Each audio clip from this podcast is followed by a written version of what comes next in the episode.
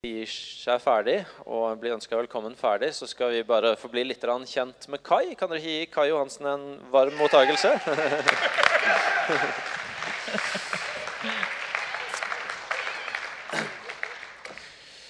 Veldig kjekt å ha deg her, Kai. Eh, kan ikke du bare begynne med noe sånn der helt basic, sånn at vi vet hvem du er, hvor du bor? og det kan jeg godt. Jeg må jo få si tusen takk for at jeg fikk lov til å, komme og ble invitert. Det, jeg har vært i Imekirka før, men aldri her på scenen. Og eh, det er veldig gøy å bli, bli invitert. Jeg heter Kai og er gift med Stina. Hun er svensk. Og vi har fire barn sammen. På, nå er det akkurat april, så nå fyller de òg, så nå må jeg bare oppdatere meg. Nå er det 9, 11, 13 og 14 er de faktisk nå. Så det er full fart hjemme hos oss, hjemme hos oss om dagen. Så bra. Og så du, eh, det er jo sånn at jeg, Vi kjenner ikke hverandre veldig godt. Eh, vi har eh, tvitra litt og litt sånne ting.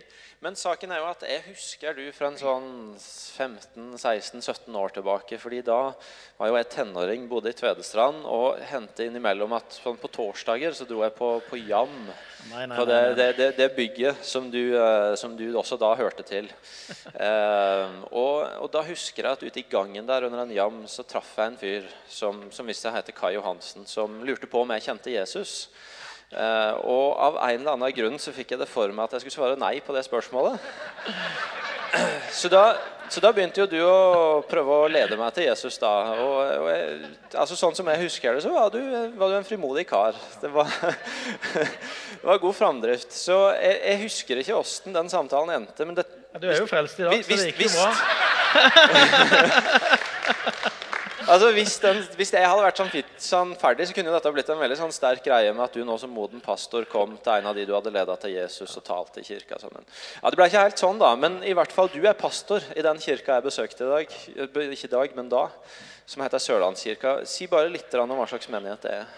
Ja, det er et godt spørsmål. det lurer jeg på. Nei, vi, eh, vi, har vel vært i en, i en, slags restart og i en uh, transition, for å si det på nynorsk. Vi har vært i en, i en uh, utvikling den ble jo starta for 30 år siden eh, eh, av Kjell Halltorp, som kanskje noen kjenner. Eh, jeg og Stina vi tok over passordansvaret for ni år siden. Ut ifra en drøm om, om kanskje å mer, mer det som vi hørte vitnesbyrd om her. Å få lov til å bety noe for, for, vanlige folk i vår hverdag i Arendal, Sørlendingen. Og det har vært en veldig spennende reise som har gjort at mange nye har kommet til. Vi har sett en del nye komme til, til tro. Samtidig som vi også ser behovet for å lære mer om det å gjøre disipler. Så der er vi også i en, i en uh, utvikling og en læring. Så uh, det som var, var det Sam han het? Som uh, ja, fortalte meg, Det hadde jo ikke jeg lært en gang jeg møtte deg. ikke sant? Det var bare rett på med en gang. så Burde du kanskje spandert kaffe på deg først. Ja, det, det hadde vært hyggelig. Ikke sant? du, helt til slutt, du skal straks få begynne å tale, men du skrev uh, altså da en bok i, uh, i, fjor høst. Si litt om den. Hvorfor du skrev den. Ja, Det er en, uh, en bok egentlig som har utgangspunkt i to plan. At vi trengte å se en, litt, ja, en forandring i menigheten. Men det er egentlig en personlig bok om en restart i mitt eget liv. Jeg bruker det eksempelet fra Alle har vel hatt en treig PC som trengte å startes på nytt. Ikke sant? Det er derfor jeg har Mac nå. for det litt for mange ganger. ja. Men, men uh, poenget er at uh, av og til så laster du ned ting du ikke ville ha der. Du får virus. Den går treigere. Uh, og det Du kan gjøre da, du kan ta en skikkelig restart, en reinstallering. og det, Du sletter ikke alt, men du bestemmer deg for hva vil jeg egentlig ha her. Og Da forsvinner de andre tingene som du ikke vil ha der. Et annet eksempel er fra, fra hagestell, altså med ugress. da. Hvor, hvordan ugress kan suge ut energi. Du vil egentlig ikke ha det der, men det, det du vil ha der, det kan du bestemme sjøl. Så den, den, handler både personlig om en restart jeg og Stina trengte i vårt forhold. Hvor eh, jeg trengte å se at jeg må omvende meg. Jeg må snu. Det var ikke noe umoral inne i bildet, og sånt, men det hadde blitt skeivt. Eh, og da, da trengte vi å jobbe oss gjennom det. Og Ut ifra det så, så, ser jeg at dette er jo mulig på alle områder. Det er jo nåde, det er mulighet, men, men eh, det begynner med ærlighet. og Det er den kanskje vanskeligste greia. da. Å være ærlig om hvor er jeg og våge akkurat det. Men nå kjenner jeg at jeg begynner å tale. nå skal du begynne på talen. Vi skal ta et lite sidespor før du begynner. fordi Det var en kjempeviktig infoting som jeg ikke sa i stad, men som må sies. og det er at til lørdag. Det sto på skjermene, det står på lappen dere har fått, så er det en fantastisk dag for kvinner. Innspi kvinner her i eh, bygget. Med Siri Iversen, er nydelig formidler som, eh, eh, som taler, annet. Det er Anne Kristin Brunt, kan ikke du bare reise til Anne Kristin? Og en gjeng som står bak det. Så hvis dere vil vite mer om det, så er Anne Kristin ute på torget etterpå. slikt. Få med dere info om det. Da, vær så god, Kai. Tusen takk. La meg ta det så jeg har fått sagt at den boka får du, får du kjøpt etterpå. da, og eh, Overskuddet går jo til sultne barn. Jeg har fire av de. Så det er bare De er veldig sultne hele tiden. For eh, Ja, så det kan du Eh, Det er som sagt en ære å få lov til å være i Imi-kirken. En, kirke og etter hvert en bevegelse som betyr mye for, for landet vårt. Eh, Og det skal dere ha tusen takk for. For hva dere står for, hva dere er eh, for landet vårt. Selv om jeg aldri har fått talt her før, så det, jeg har liksom fulgt med hele tiden og bare merka de har noen ting, de gjør noen ting som jeg, som jeg er fantastisk glad for. Men så har jeg på en måte alltid visst at Imi-kirken må være en helt fantastisk menighet. Helt der oppe i toppsjiktet av kvalitet på menigheter. Og grunnen til det er at dere har greid å ta dere av Øystein Øvergård. Det må jo være Altså Det er bare det vitner om tålmodighet, om raushet, om inkludering, om nåde, om frihet. Jeg kjenner nemlig Øystein veldig godt. Vi var jo kolleger i Arendal når han var ungdomspastor i Misjonskirka, og jeg var ungdomspastor eh, i Sørlandet Bibel- og Misjonssenter, som det da het. som nå heter Sørlandskirken. Og Det var en meget spesiell tid, så jeg var veldig glad for at jeg liksom kunne sende han videre. Eh, det er mange ting å si om den tida. Jeg og Øystein vi var så klar for dame at vi hadde tatt hva som helst. Men, men Gud var så nådig, altså, så vi har jo liksom fått fra øverste hylle der begge to. Så det er bare også et vitnesbyrd om Guds nåde. Virkelig. Men nok om det. Nok om det. Bare, bare fortsett å være god mot Øystein. Det er veldig bra. Eh, I dag så skal jeg snakke om eh, løsningen på alt. Ja. Eh, det er jo en litt sprek tittel, da. Det er nesten en liten oppsummering av etter å ha vært pastor i, i 16 år. Så kan det jo være at det er noen ting man har lært, som man kan gi videre. Det kan jo være at man har fått tak i et eller annet etter noen hundre samtaler, etter noen tusen timer med studier i ordet, etter å ha prøvd å lede seg sjøl, prøvd å lede en familie. Altså, det kan jo være at man har et eller annet å, å, å gi videre. Og det har jeg lyst til å være frimodig med, for jeg har bestemt meg for å være frimodig med det jeg har sett, og ydmyk i forhold til det jeg ikke har sett. Eh, og jeg tror at denne søndagen kan bli en ny start for mange av dere som sitter her. Eh, for Hvis du skal spørre meg om jeg kan trekke fram én ting som skiller seg ut i alt jeg har undervist og prøvd å formidle alle disse åra, så har jeg tenkt å gi svar på det i dag. Eh, Jeg skal prøve å svare på et spørsmål som har opptatt tankene mine i mange år. Eh, Og det er det spørsmålet hvorfor er det sånn at mennesker som får den samme undervisninga, er i det samme miljøet, snakker med de samme menneskene, tar helt forskjellige valg.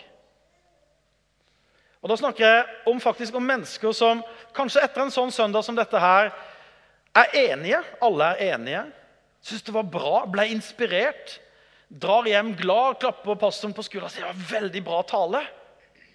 Men så ser du at noen gjør det de kan for å praktisere det de har hørt, mens andre faktisk lenger nede i gata kanskje nem- til og med lever motsatt av det de har hørt. Hvorfor tar vi så forskjellige valg, selv om vi har hørt det samme og kanskje er enige i det vi har hørt? Og så har jeg lagt merke til at Når det kommer kriser og vanskeligheter, så vil du se folk som har gått i samme kirke, kanskje vært med i samme gruppe i mange år, som allikevel handler helt forskjellig. Jeg snakker om veldig praktiske ting. Jeg snakker om samliv. Jeg snakker om i økonomi, valg vi tar i forhold til forvaltningen av, av pengene våre. Det kan være hvordan vi behandler andre mennesker. Det kan ikke minst være engasjementet i, i menighet. Og Som pastor så ønsker en virkelig å hjelpe mennesker. Så jeg tenkte da at ok, Ja, men Da trenger vi sikkert litt bedre undervisning om samliv. Eller vi må ha litt bedre seminar om, om økonomi. Eller vi må hjelpe folk litt mer. Kanskje ikke jeg talte bra nå, kanskje vi må ha inn noen andre som kan si det på en bedre måte. Og så gjør vi det, og hva får vi? Klapp på skuldra. Begeistring over hvor bra det var. Men så skjer det noe rart. En gruppe vokser veldig etter undervisninga. Mens en annen gruppe blir enten på stedet hvil eller tar helt motsatte valg av det de med et smil om munnen sa dette var bra. Hvorfor er det sånn? Og Da begynner evalueringa. Kanskje jeg må bli en bedre forkynner, og jeg er helt overbevist om at det må jeg jobbe med hele tiden. Men så tenker jeg det etter, etter disse åra at det er nok ikke det at hvis jeg hadde blitt 10% bedre, så, så hadde de menneskene som man med sorg i hjertet ser tar feil valg, valgt noe annet. Det må være en annen grunn. Disse tankene har rørt seg i meg i, i, mange år. Men på en måte så har mynten falt ned, lyset har gått på. Og ut fra hva jeg ser i dag, så ser jeg noen ting som jeg tror er et svar på det viktige spørsmålet. Har du lyst til å høre det? Ja, Så bra. Da fortsetter vi. Jeg har tre enkle punkter. Punkt nummer én har jeg kalt for en livslov. Jeg har øvd meg på så stille. Jeg har sett at Egil han så mye mer stille enn meg. så jeg har øvd meg, tenkte jeg kommer til Imekirka, må jeg bare liksom stå stille. Neida. Jeg skal prøve å fokusere på innholdet. Altså. Får du bare ta meg som jeg er. Eh, først vil jeg at du skal forstå at det jeg snakker om i dag, det er en, en livslov. Det er altså noe som virker uansett om du vet om den eller ikke. Eh, det var jo ikke Newton som oppfant tyngdeloven. Jeg tror vi får et bilde her som illustrerer um, Newton som fikk eplet i hodet. Han fant jo ikke opp tyngdeloven. Han oppdaga tyngdeloven. Den var der altså hele tiden. For naturlovene de virker alltid. Det er jo en annen preken om de tre eplene som forandra verden. ikke sant? Adam og Eva og Newton og Steve Jobs sitt Apple. Um, men uansett så var, var natur, naturlovene de virker alltid. Her på jorda så er det noen naturlover som funker uansett. De er knytta til naturen og hvordan det fysiske opptrer. Det hjelper ikke om du blir veldig snill, så kan du få tyngdeloven til å slutte å virke. For eksempel. Den virker for alle, og alle må ta hensyn til den. Hvis du jobber med den, så er den din venn. Hvis du utfordrer den eller ikke bryr deg om den, så kan den skade både deg selv og andre. Du har kanskje hørt om han som kasta seg utfor et, eh, som ut for et vindu for å bevise at eh, for en høy høy bygning bevise at tyngdeloven den fins ikke. Og sånn Noen eh, etasjer, 10-20 etasjer ned så er det en som stikker ut vinduet og sier 'Åssen går det?' 'Kjempebra', sier han. Så han hadde jo, det, var, det var jo ikke noe problem. ikke sant?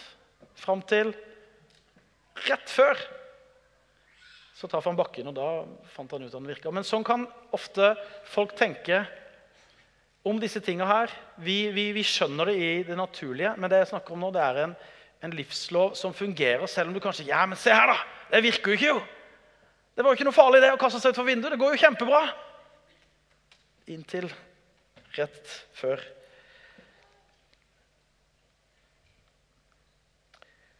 De virker uansett for de som følger dem, og for de som ikke bryr seg om dem.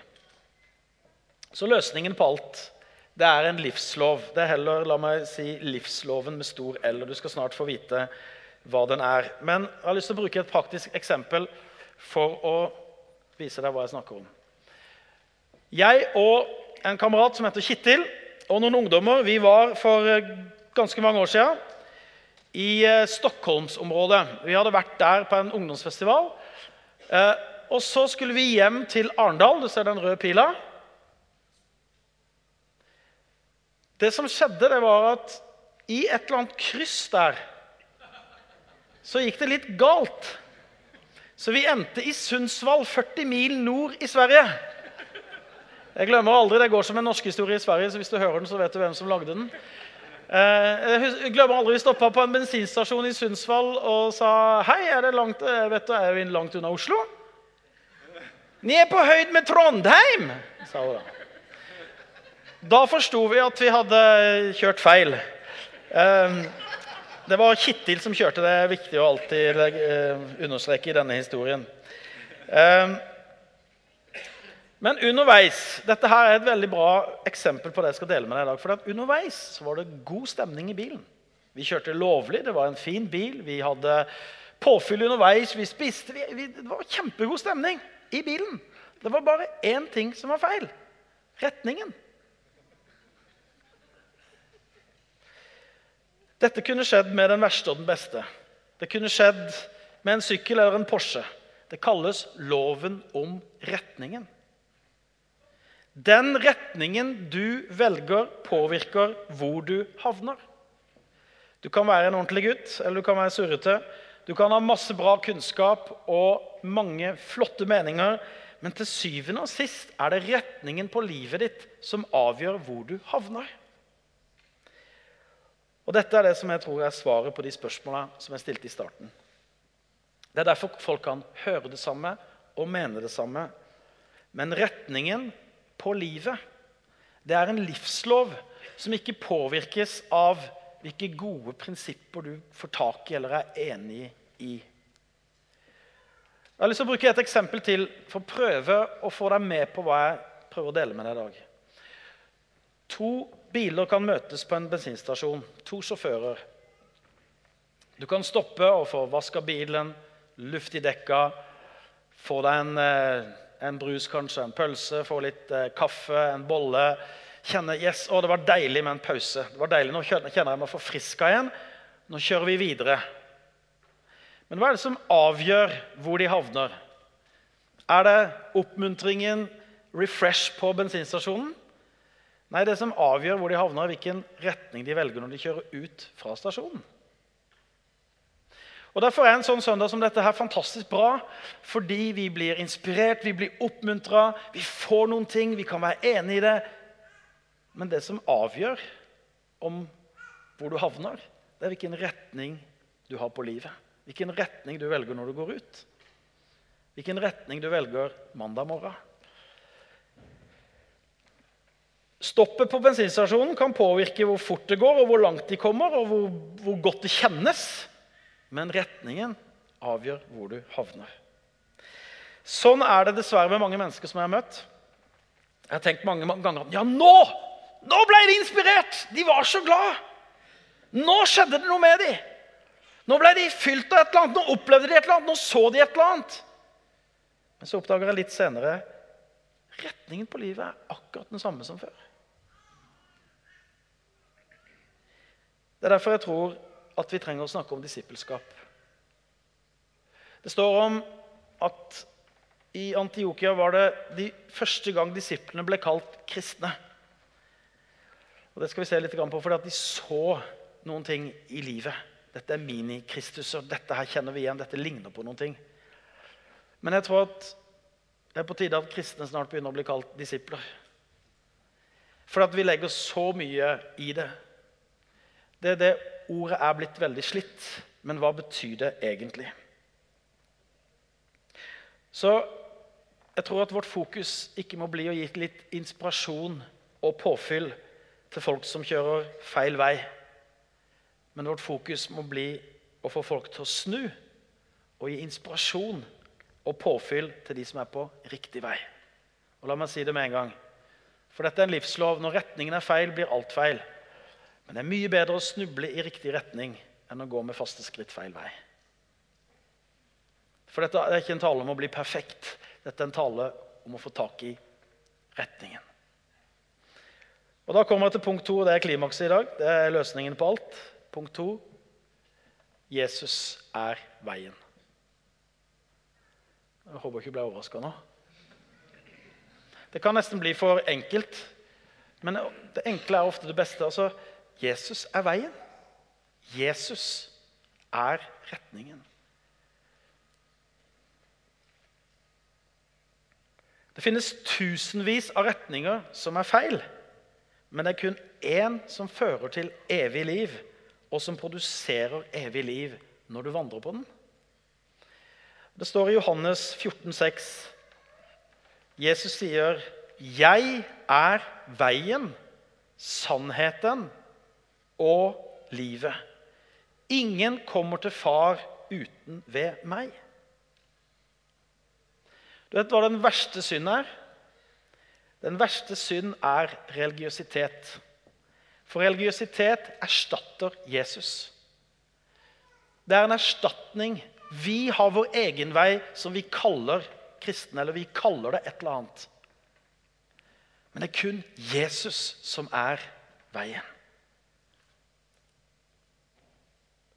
Å være disippel det er ikke så mye mer komplisert enn å ha Jesus som herre. Og Du trenger ikke å være perfekt engang. Du kan bare være ekte. Du kan bare være ærlig. Du kan bare si vet du hva, 'Jesus, jeg tror at du er veien.' Jeg vil at du skal være retningen på mitt liv.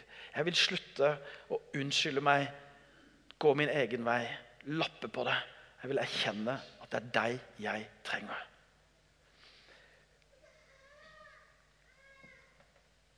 Alternativet er jo at du er din egen herre. Altså at retningen finner du ut av sjøl. Retningen er deg selv. Du har satt deg selv i sentrum. Et spørsmål som virkelig har hjulpet meg til å skifte paradigme, tankesettet, er Går jorda rundt sola, eller sola rundt jorda?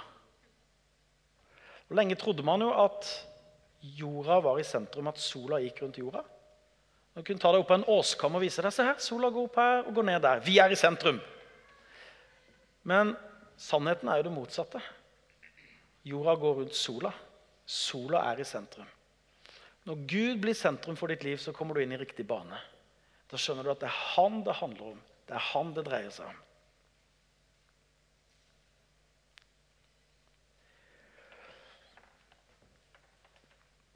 Jeg tror at det det er, ikke sånn at vi ikke trenger å undervise om hvordan får du et bedre samliv, og hvordan løser jeg det med økonomien min og tidsklemma. og virkelig være praktisk. Bibelen er praktisk. Men jeg tror det er fånyttes om ikke retningen er på plass. Da blir det bare litt motivasjonspsykologi og litt sånn fine tanker. Det trengs praktisk undervisning. Men det som vi først og fremst trenger, er å være tydelig på at det er Jesus som er vår retning. Det er Jesus som er vår Herre. Jeg har lyst til å vise deg et par bibelvers som viser at Vet du hva de første kristne kalte seg? De kalte seg Veien. De satte et navn på seg sjøl, og det var Veien. Hvorfor tror du det? Jo, for det var det som hadde skjedd. De hadde snudd, de hadde fått en ny retning. Det var en helt ny måte å leve på. De hadde jo hørt og de hadde lest og de visste. Jesus sa 'Jeg er veien'. Han er ikke holdeplassen, han er ikke stoppestedet. Han er veien.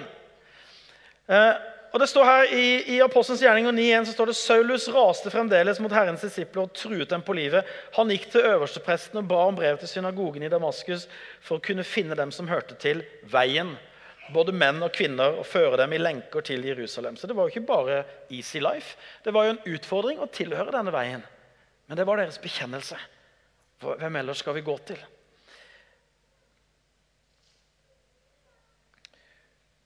Apostelens gjerninger 19,9. Noen gjorde seg harde og ville ikke tro, men snakket nedsettende om veien mens alle hørte på. Da brøt Paulus med dem og holdt disiplene borte fra dem. Og siden ga han hver dag undervisning i skolen til Tyrannos.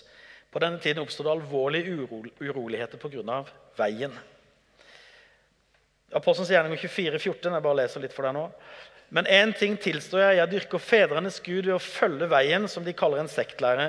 For jeg tror alt som er skrevet i loven og profetene.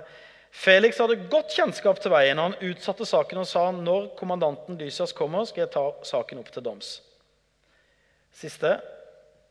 Apollos hadde fått undervisning om Herrens vei. Han forkynte med stor glød og underviste grundig om Jesus enn han bare kjente Johannesdåpen. Han begynte å tale fritt og åpent i synagogen, og der fikk Priskilla og Kvillas høre ham. De tok seg av ham og ga ham enda grundigere kjennskap til Guds vei. De kalte seg Veien.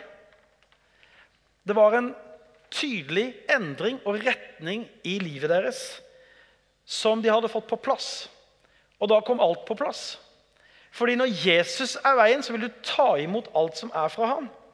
Og det står jo, det står jo i, I ordspråkene så lærer vi jo på, på Message så står det 'Point your kids in the right direction'.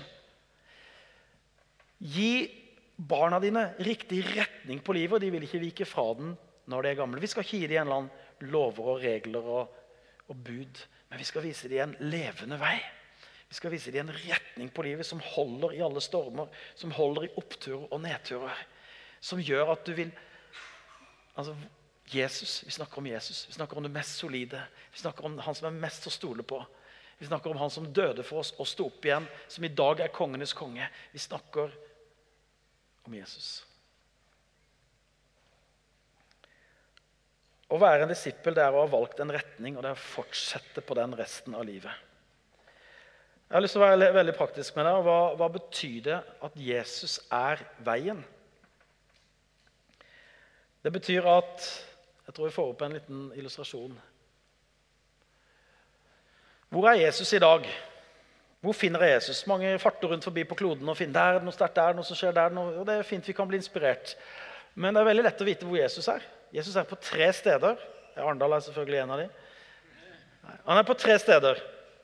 Han er i Ordet, i Ånden ved sin ånd og i sin kirke. Ikke så mye mer mystisk enn det. Hvis du vil ha mer av Jesus, så er det mer av dette. Og det har jeg oppdaga ikke som en fordømmelse, men bare oppdager det som et fakta. At det ser du med en gang mennesker er på vei bort fra retningen med livet. Så er det mindre av ordet, det er mindre av bønn, og det er mindre av fellesskapet i kirka. Og Det er for meg en gang et tegn på at nå er det et eller annet som er feil. Man kan ha rett, riktig bekjennelse, man kan være enig, man kan komme innom bensinstasjonen og bli litt inspirert. Men hva er valga i hverdagen? Hva når ingen ser meg? Hva når jeg prioriterer? Er det Jesus som er det største for meg? Er det Jesus som jeg vil ha mer av? Er det Jesus som er han jeg går til når jeg trenger hjelp? Er det han jeg snubler til istedenfor å velge mine vei?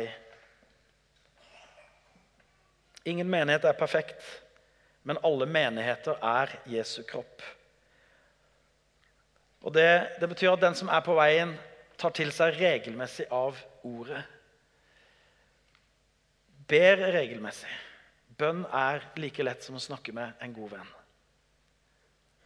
Og Du har det i livet. 'Gud, hjelp meg med dette. Hva skal jeg gjøre med dette?' Og Du kjenner at det er Jesus, du er min vei.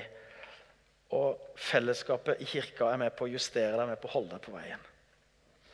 Og det er sånn at Når Jesus er veien for deg, så vil du i alle livets situasjoner søke å finne hva som er hans vei, i stedet for å gå din egen vei, også når det koster deg noe.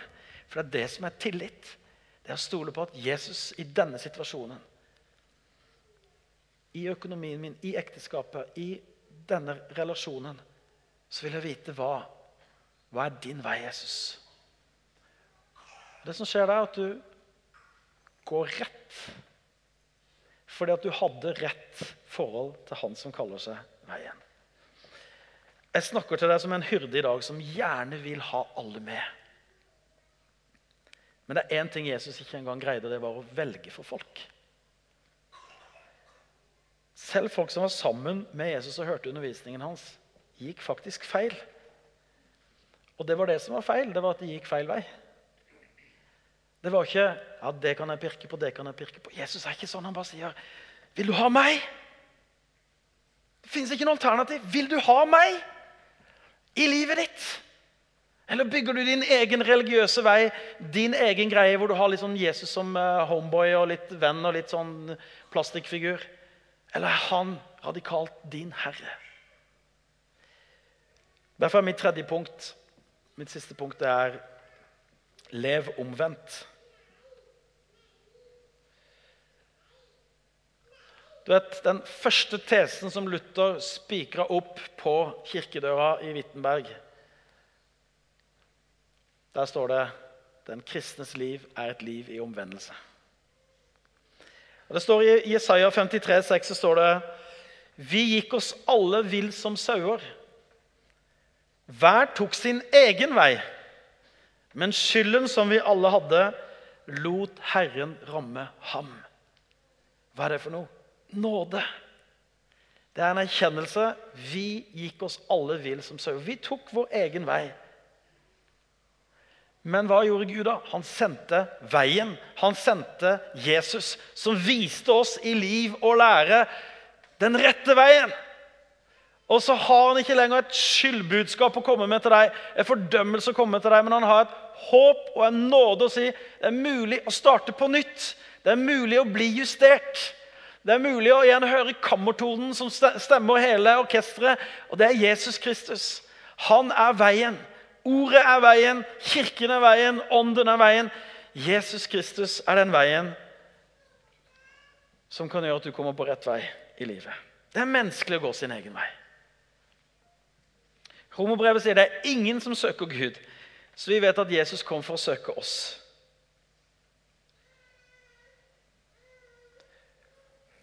Jeg var i Salemkirken i Kristiansand i høst på noe som heter Global Leadership Summit. og De viser konferansen til Bill Hybels, hvis dere kjenner han fra Willow Creek. Eh, mye fantastisk bra undervisning, lederundervisning. Og Der var det en kristen psykolog som hadde et utrolig oppklarende seminar. Og Han utfra, underviste ut fra ordspråksboken om at det finnes dårer, eh, som er egentlig å være dum. Og Vi har alle vært der. Vi har vært dumme, vi har gått vår egen vei.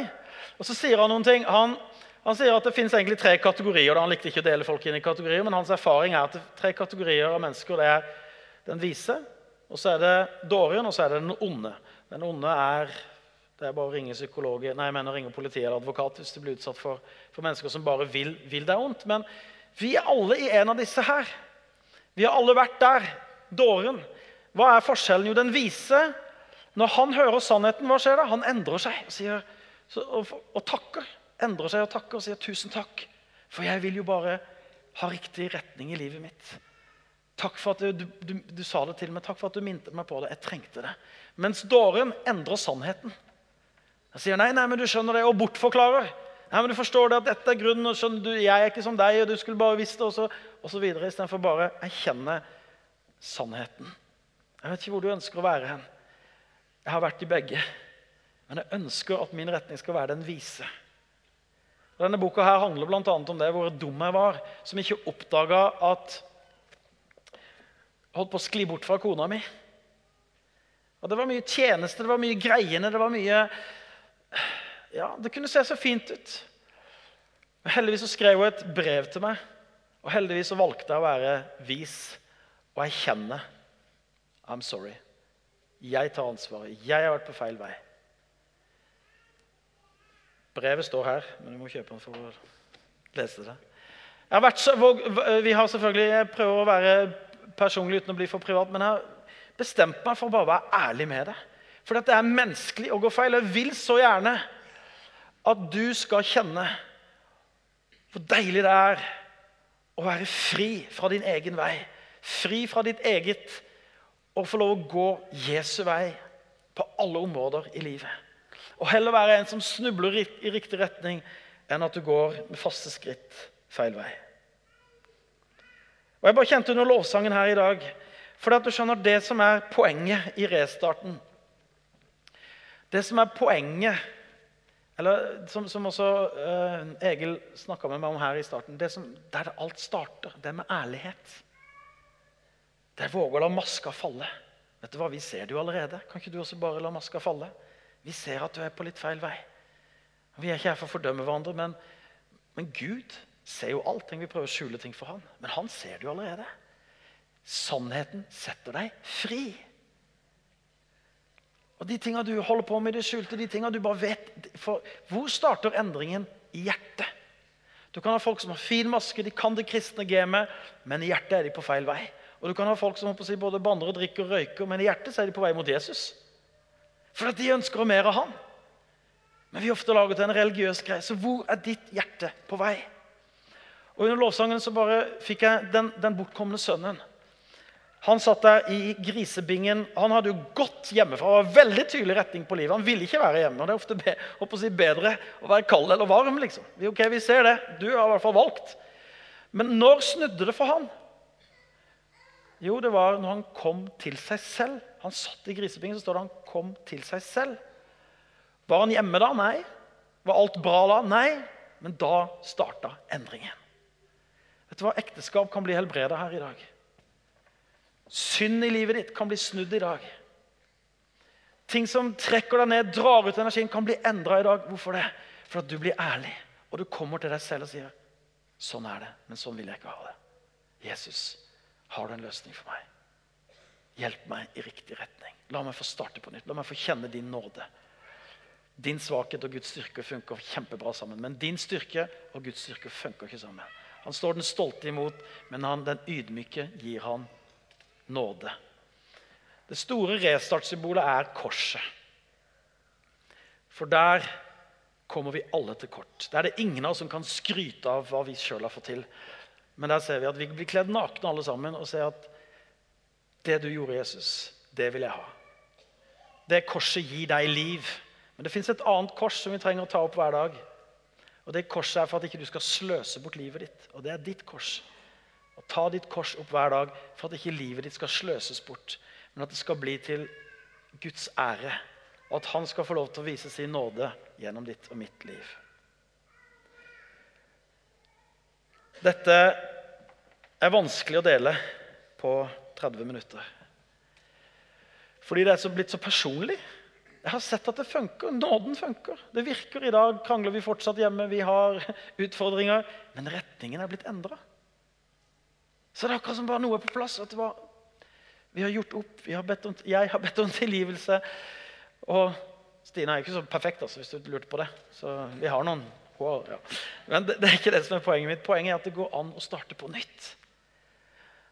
Det, men, men ikke lappe på et eller annet. Ikke bare liksom være litt inspirert enig, men jeg tror på en god, gammeldags omvendelse. En skikkelig deilig vet du hva, Nå snur jeg.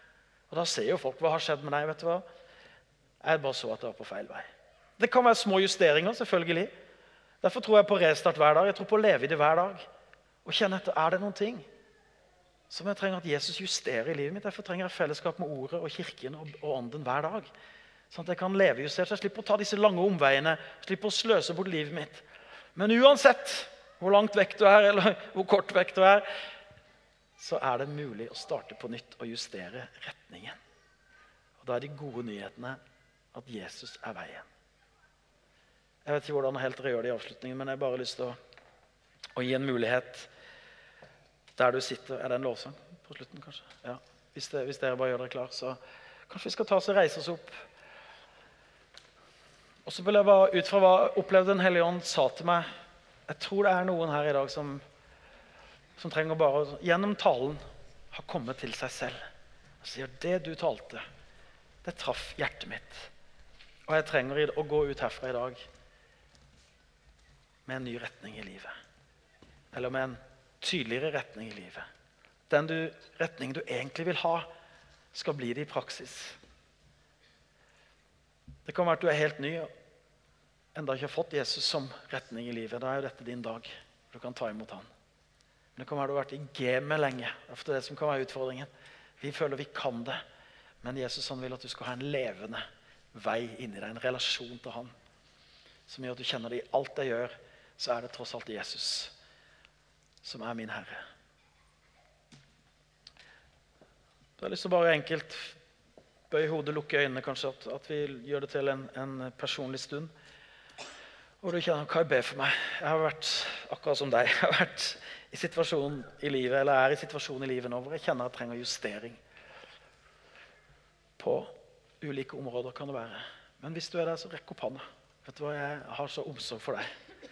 Jeg vet at det fins en frihet som venter på deg. Det fins en ny start, det fins en nåde, det fins en kraft der som er så herlig. Man blir ferdig med seg sjøl. Man bare kjenner jeg skjønner hvorfor du kom, Jesus. For jeg får ikke dette til sjøl.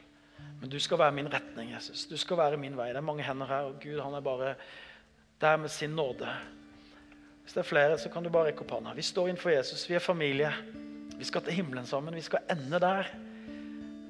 Vi skal ikke lide skipbrudd på vår tro, men vi skal la Han få lov til å ta oss helt hjem. Gud velsigne dere. Jeg har lyst til å be.